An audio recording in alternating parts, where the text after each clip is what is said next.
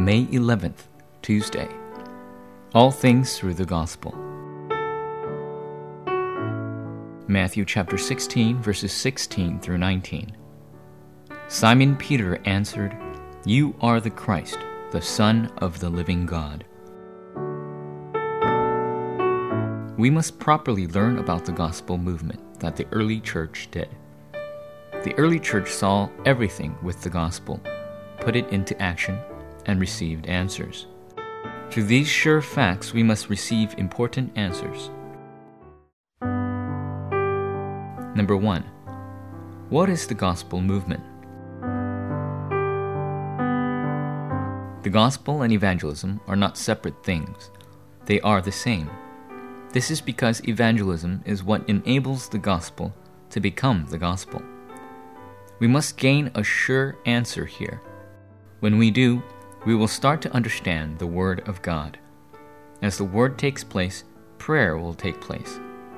The seven remnants in the Bible also enjoyed happiness inside of this. If we, like them, also enjoy unspeakable happiness in the gospel, we will gain tremendous strength.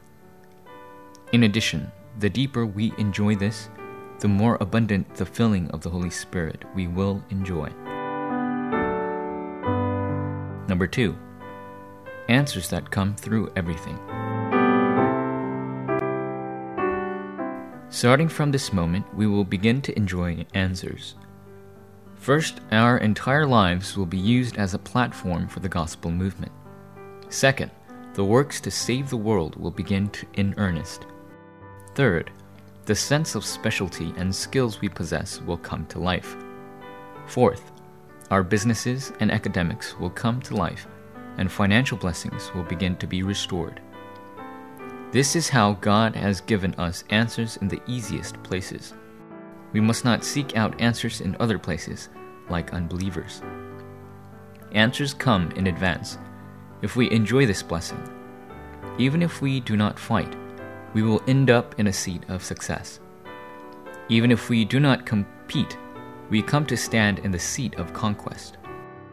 Even if we do not try to win, we will end up in the seat of answers. We must absolutely regard this blessing as our own. Number three, what must we do? Starting from this moment, what kind of posture must we have? We must stake our lives like the members of the early church. In addition, because of the weakness of our natures, we must have an attitude of being in battle in everything so that we don't give up. We must manage ourselves like soldiers, athletes, and farmers in the most fitting way. At this time, our past will be healed, and we will be able to think constantly about evangelism, the Word, and prayer as we live our daily lives. We will end up in the seat of blessings. This blessing will be relayed to other people as well. Our future will receive healing from this moment on.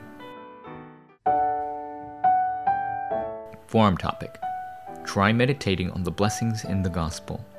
What must you do if you want to enter deeply within the gospel?